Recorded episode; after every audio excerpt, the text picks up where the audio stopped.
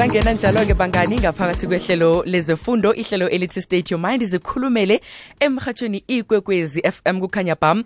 Uzakhumbula ukuthi-ke kusuka ngo-9 o'clock okufikela ngo-half past 9 ngikhambisana kamnandi no-dj mpumi um udj walapha-ke emhatshweni ikwekwezi fm bese-ke njenganje sikhathi-ke sehlelo elithi state your mind zikhulumele ihlelo leli esilethelwa yi-european union bakwa-unicef bakwa-national education collaboration trust umnyango wezefundo osisekelo ngokuhlanganyela nomhatsho wethu ikwekwezi fm namhlanje sike bangani bami ngikhambisana no-alice buda ongutitshere sizokutshejake ukuqakatheka kokufunda kwabentwana ekhaya.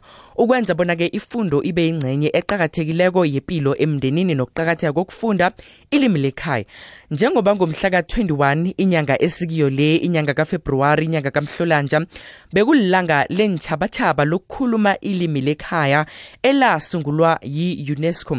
Ukugidinga ukukhuluma um kwamalimi esiwakhulumako ephasini zombelele umnyango wezefundo wamabanga aphasi i-northwest department of education i-national collaboration trust i-national reading coalition um kuye ne-ngo partners igidinga ilanga lentjhabatshaba lokukhuluma ilimi lekhaya ngaphasi kwesiqubulo esithi ukufunda amalimi amaningi yindlela engcono yokuthuthukisa nokuchugulula ifundo. Sikhamba ngesicubulo esitsho njalo-ke unyaka lo. Ngiba ukuthi njenganje samukele lapha-ke utitshere-ke u-alice buda ekunguye-ke uzesethulela isifundo sethu sanamhlanje. Uzosindlalela yokinto eh, esihloga ukuthi siyazi-ke namhlanje. Lothani ibizo lami ngingu-alice boot utithere esikolweni samabanga aphasi emzimhlophe esiphako. Ngiyanamukela esicethaneni sethu esithabisako esisilethelwa yi-european union unicef national education collaboration trust umnyango wezefundo ngokuhlanganyela nekwekwezi fm esicethaneni sethu sanamhlanje sizokucocisana ngokwenza ukufunda kube yingcenye eqakathekileko yempilo emndenini. Sizokuqala ukuqakatheka kokufunda ukufunda kwabantwana ekhaya. Sizokuqala ukuqakatheka kokufunda ilimi lekhaya. Sibuye sicale nokubana abafundi bangazuza njani lokhu ababelethi nabazibandakanya ekufundeni kwabo ekhaya. Sibuye sicale namachinga angasetshenziswa babelethi ukuthuthukisa nokukhuthaza ukufunda ekhaya. Balaleli ngaphambi kobana siragele phambili ngesicetshana sethu sanamhlanje ngithanda kobana sikhumbuzane bona inyanga le kamhlolanja ithwaywe njengenyanga yokufundela phezulu iphasi mazombe lokho kutsho bona inyanga le yonke sizabe sigidinga ukufundela phezulu ngamalimi wonke ahlukileko akhona enarheni yekhethu. Amalunga womnyango wezefundo azabe abambe amajima ngokukhambela imiphakathi nenkolo bafundela abafundi ngamalimi wabo. Mhla amalanga amathumi amabili nanye kumhlolanja enyakeni lo ophezulu bekulilanga lephasi mazombe elikhulukazi lokuthabela ilimi lekhaya. Unyaka lo bekugidingwa ngaphasi kwesiqubulo esithi ukufunda amalimi amaningi yindlela engcono yokuthuthukisa nokujugulula ifundo. Engikhathini zakade ukuthiya inolwane ngelimi lebele nanyana ilimi lekhaya kwakuyindlela elula nethabisako yokudlulisa umlayezo nobuhlakani kusuka kwesinye isizukulwane kuye kwesinye. Kwakuyindlela ehle enobukhwari yokufundisa ngamasiko nemvelaphi yethu.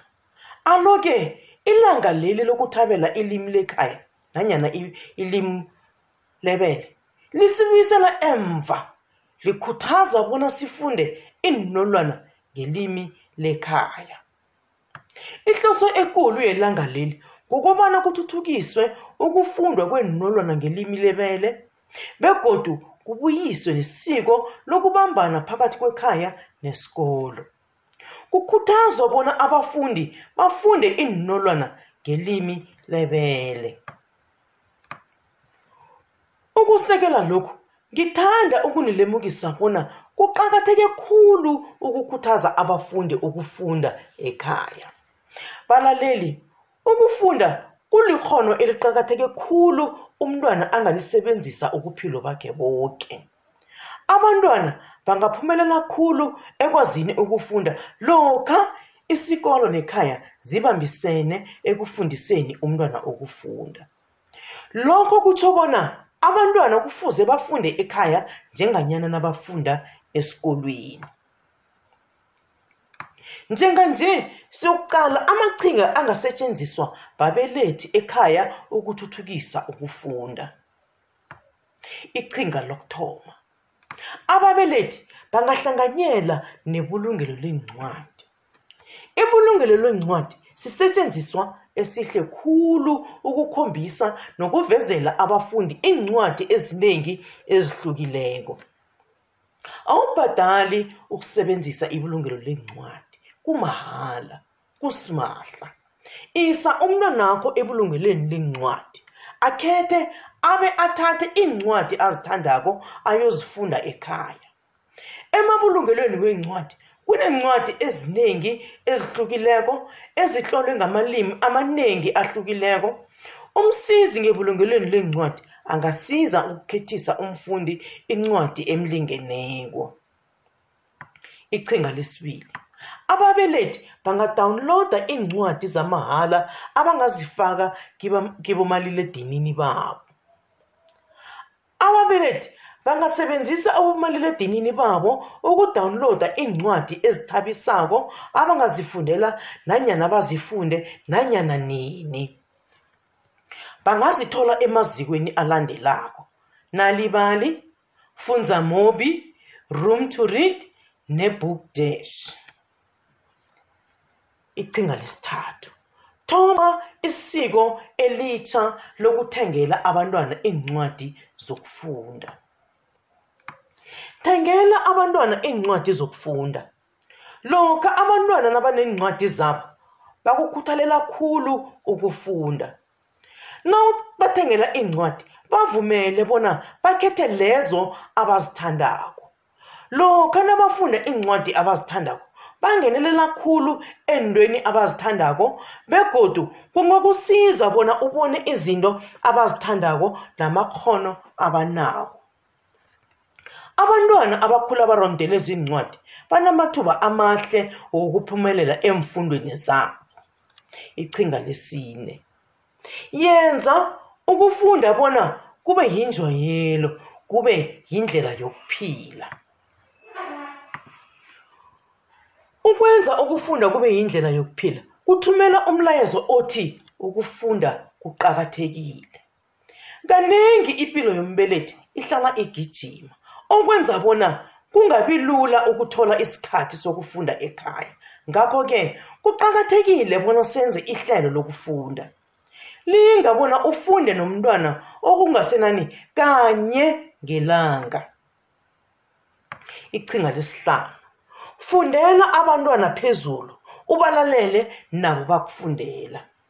Ucarl sagan wakhe wathi isipho esikhulu ongasipha abantwana nomphakathi wangekheni sisipho sokufundela abantwana. Nowufuna bona abantwana bafunde thoma ngokubafundela. Kuningi abantwana bakufundako lokha nakubafundelako. Ukufundela abantwana kwenza bona babe nelwazi magama elinabileko. Lokha nawufundela phezulu abantwana bezwa amagama amaningi amatsha kuthuthuke amagama abawaziko.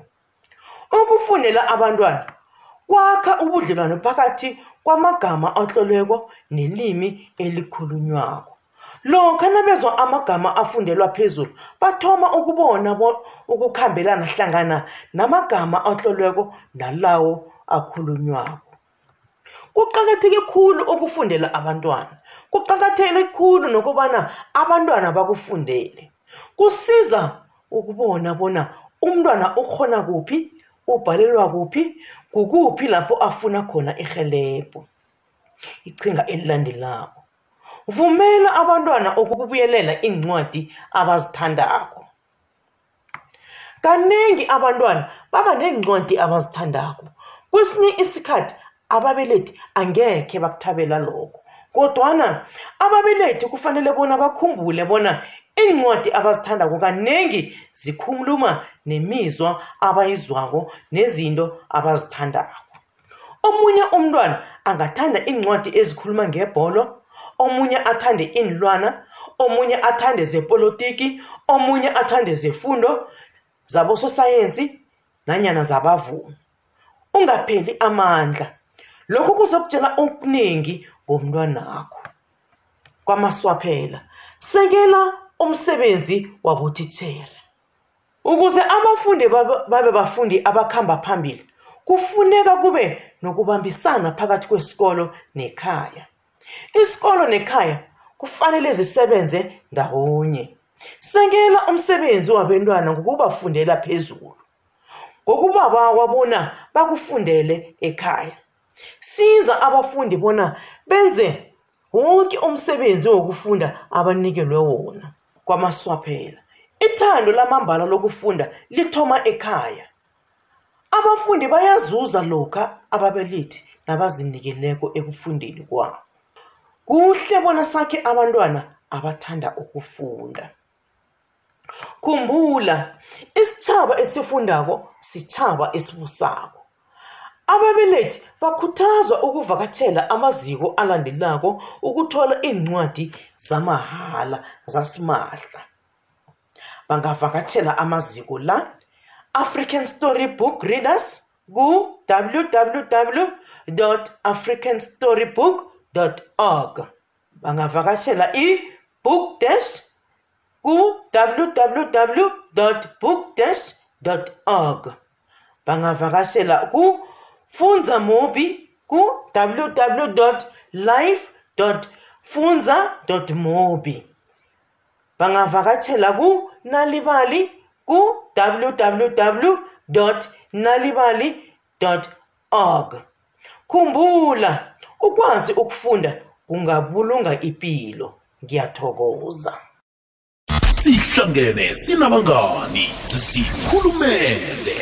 Mlaleli wekwekwezi fm bafundi nabafundisi ihlelo lezefundo ilena support ngabomvulo nangabolusine liyasuka ku-triple ats ngemva kwamadina liya ehlelweni hlala nami ngesiqundu sesimbi yobunane entambama ngamalanga wakhona. Hashtag ikwekwezi fm umkhanyo ukhona kukhanya ba. Mlaleli wekwekwezi fm inomboro yemoyeni itshugulukile kwanje sewukhona ukudosela amahlelo woke nendabeni ezinabileko ngenomboro eyodwa 086 000 3278 ithi 086 000 3278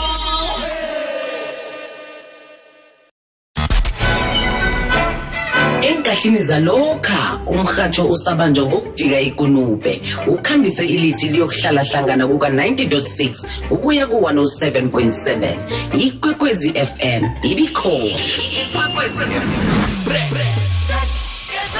Not fire the baby. Up. nenkathini zanamhlanje sizokhofoza inomboro yedijithali nenkundla zokuthindana ezenza umbone ngamehlo umrhatshi wakho omthandako. Ikwekwecfm isesekhona 90.6 ukuya ku-107.7 fm umkhanyo ukhona kukhanya ba.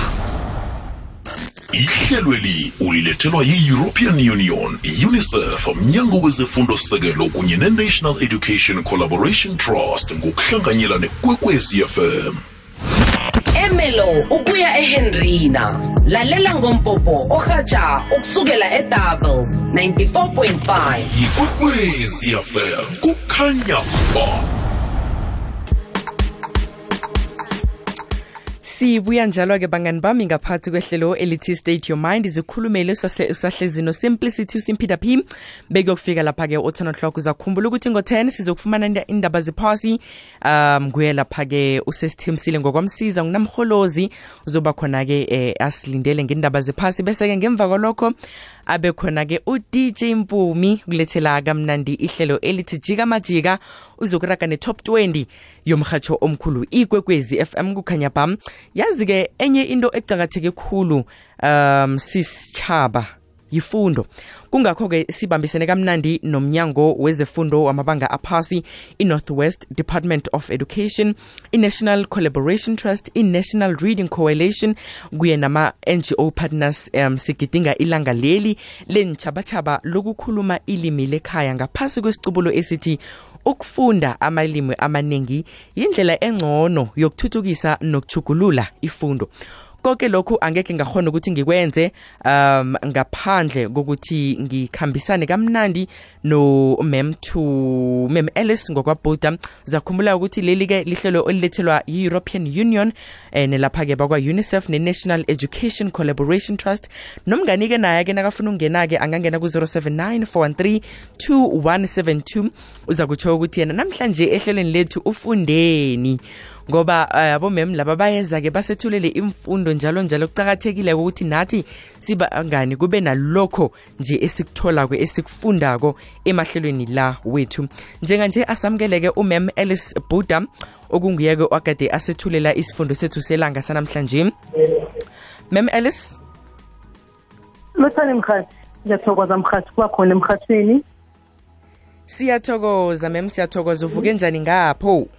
Ngivuke kamnandi khulu ngithi lothane balalela emakhaya. Siyathokoza ngithemba ukuthi nabangani lapha bakhona um bavuma nejalo. Um mem asithome la-ke njengoba sikhuluma nje ukuthi sigidinga ilanga lenitshabatshaba um lokufundwa kwamalimi wekhaya. Ngokuya ngawe-ke ilanga langomhla ka-21 kufebruwari ekulilanga lenitshabatshaba lokugidingwa kwamalimi wekhaya litsho ukuthini kuwe? Mkhathi ilanga leli lokugidinga ukukhulunywa nokufunda kwelimi lekhaya litho okukhulukhulu kimi likhuthaza khulu abantu khulukhulu thina abande- amandebele bona sikhulume isikhethu sizikhakhazise ngazo singabi nenhloni lokha nasikhuluma isikhethu Mm. Mem njengoba kungini-ke abantu ebaqalelele ifundo um nokuthuthukiswa kwamakhono wabentwana ikhambe yafika kuphi? Nasi indima yokuthi sifundise abentwana ukukhuluma um ilimi lekhabo khulukhulu ngehlangothini lesindebele. Kukhambe bekwafika kuphi? Mkhathi ukhu- ukufundisa abantwana ilimi lesindebele kukhamba kuhle khulu ukufikela nje. Akusafani nakade kuthuthuke khulu. Abantwana kan- njenganje bathoma ukwazi bona lihle ilimi lesindebele. Bathoma ukwazi ukuqakatheka kokukhuluma ilimi lakhe umntwana. Uthoma ukwazi bona kuhle ukwazi bona yena ungubani akhulume ilimi lakhe. Khona azakwazi ukuzihlonipha akwazi nokuhlonipha amanye amalimi. Mm. Sikhumbuzeke vele nabangani ukuthi nasikhuluma ngokugidingwa um kwamalang- kwama- kwamalimi wekhaya nje. Asikhulumi ngokuthi umngane kufanele ahloniphe lakhe ilimi kwaphela bekodwa um athathe lakhe kwaphela. Kodwana-ke kubuqakatheke khulu ukuthi umngani um namanye nje amalimi akhulunywa ngabanye abantu esihlala nabo um khonapha esewula afrika awathathele phezulu begodwa awahloniphe. Iye mhathi kuhle khulu lokho. Ukhumbule mhathi bona njenganje eSouth Africa sinamalimi adlula kalithumi mm. kuqakatheke khulu bona umntwana akwazi ukukhuluma isindebele akwazi ukukhuluma ilimi lakhe khona azakwazi ukukhuluma amanye amalimi khona azakwazi nokuhlonipha amanye amalimi. Lokho kuzomenza bona nakaphumileko ekhaya aye enkolweni eziphezulu nanyana aye kwamanye amazwe angarareka. Begodu angalahleka. Akwazi ukukhuluma nabanye akwazi ukuhlonipha abanye abantu. Qinisile mem. Alo-ke ucabanga ukuthi thina njengabentwana sinalo ilemuko ngaleli langa leli? Mhathi usasemningi khulu umsebenzi esiqalene nawo njengesitshaba ukwenza no- u- u- nokufundisa abantwana ngelanga leli. Mm. ilanga leli lisathathelwa phasi kuhle kuhlala umlayezo walo usengakafiki kuhle esithabeni lokho kutho bona sisesenomsebenzi omningi khulu. Umnyango wezefundo nawo usesenomsebenzi omningi khulu wokufundisa abafundi amalimi akhona eSouth Africa nama- namanye amalimi akhona emhlabeni mazombe ephasini mazombe. Iye. alo ke mem singaligidinga njani ke ilanga leli um enkolweni enkolweni mkhathi ilangeli lingagidingeka kamnandi khulu. Kungathoma ngokubana sikhuthaze abafundi sibatshele ngalo sibatshele ukuthi siqakatheke ngani begodu singaligidinga ngendlela eziningi ezihlukileko. Abafundi bangaphiwa ithuba lokuthi bafunde esikolweni. Abotithere bangafundela abafundi. Inko inkolo zingamema isitshaba bona size esikolweni sizokufundela abafundi. Khona abafundi bazakubona bona ifundo iqhakathekile khona abantwana bazakubona bona ukwazi ukufunda kuhle begodu kungalivulunga impilo iinkolo zingavakatshelana zona ngokwazo. Abantwana badlegane ngokufunda bafunde amalimi ahlukileko. Khumbula iinkolo zangekhethu njenganje zinamalimi ahlukileko. Ezinye iinkolo zi- zifundisa isikhuwa ezinye zifundisa isipedi ezinye zifundisa isindebele ezinye zifundisa isizulu. Lokho nabahlangeneko abanye nabanye abantwana bazabe bafunda ilimi labo. Lokho kuza kwenza kube kuhle khulu ukuthuthukisa amalimi wethu. Izwakele membhuda. Um uthe nawethula isifundo sakho sanamhlanje wathinda nephuzu lokubana ababelethi kufanele ukuthi bazibandakanye um emfundweni zabentwana babo ukwenzeka ukuthi babe nesiqiniseko sokuthi abentwana babo bayafunda begodu bazi nokuthi ituthuko yabo ikuphi begodu ingangani um ngehlangothini lokuthi bazijayeze ukufunda. Wena njengotitshere nicabanga ukuthi nimatitshere ababelethi bazibandakanya ngokwaneleko na mhathi njenganje ababelethi esinabo babelethi abatsha. Indlela ababemelisene nathi ngayo ithoma ukukarisa ayisafani nakade. Abantu abatsha njenganje mhathi baphandlulukile ibambisano lab- labo nathi siyalithabela ngoba kaningi siyakubona ukuthi bayafaka isandla kobana abantwana babhale imisebenzi. Siyabona bona bayafaka isandla bona abantwana bafunde ekhaya. Nanyena sesekhona ukusalela nje kodwana njenganje ufike ezingeni elisithabisako. Mem sithokoze khulu sithokoza nesikhathi sakho khe watsho ukuthi umuntu nje uceda ukufika ku- ubuya ndawana thizeni. Sincancabeze khulu-ke ukuthi eh sikuphazamiseke lapho kade khona kodwana sithokozi ilemuko lakho sithokoza nelwazi lakho osiphe lona namhlanje. Ngithemba ukuthi uzokuba nepela veke ehle begodwa nomgqibelo wakho uzoba muhle njalo. Ngiyathokoza mhathi ngithokoza kulu ngithokoza nokungena emhathweni. Balaleli nginithanda khulu emakhaya. Bafundi bami esifako nginithanda khulu babelethi. Nginithanda khulu esifako umem khonje ufundisa kuphi? Ngifundisa esikoleni senzimhlophe esifako wo okay ke kwaba nomngane omunye okhulumako ukuthi um yazi ngasikhathi nje hayi singakhuluma ukuthi abomem laba babuya kuphi bekuthi bafundisa kuphi. Ngithemba ukuthi uzwileke njenganje ukuthi umembhuda ubuya kuphi. Eh amhathi ngiyemzimhlophe sithokoze khulu sithokoze khulu mem um nangomusa ungalahli njalo. Kukhona udj mpumi uyakulandela-ke nehlelo elithi jika majika begodwa ukhona kusystem sile msiza unamholozi kulethela indaba zephasi zika-10 o'clock ngimnawe iveke zako ngomgcibelo ngesikhathi esifanako. Bye.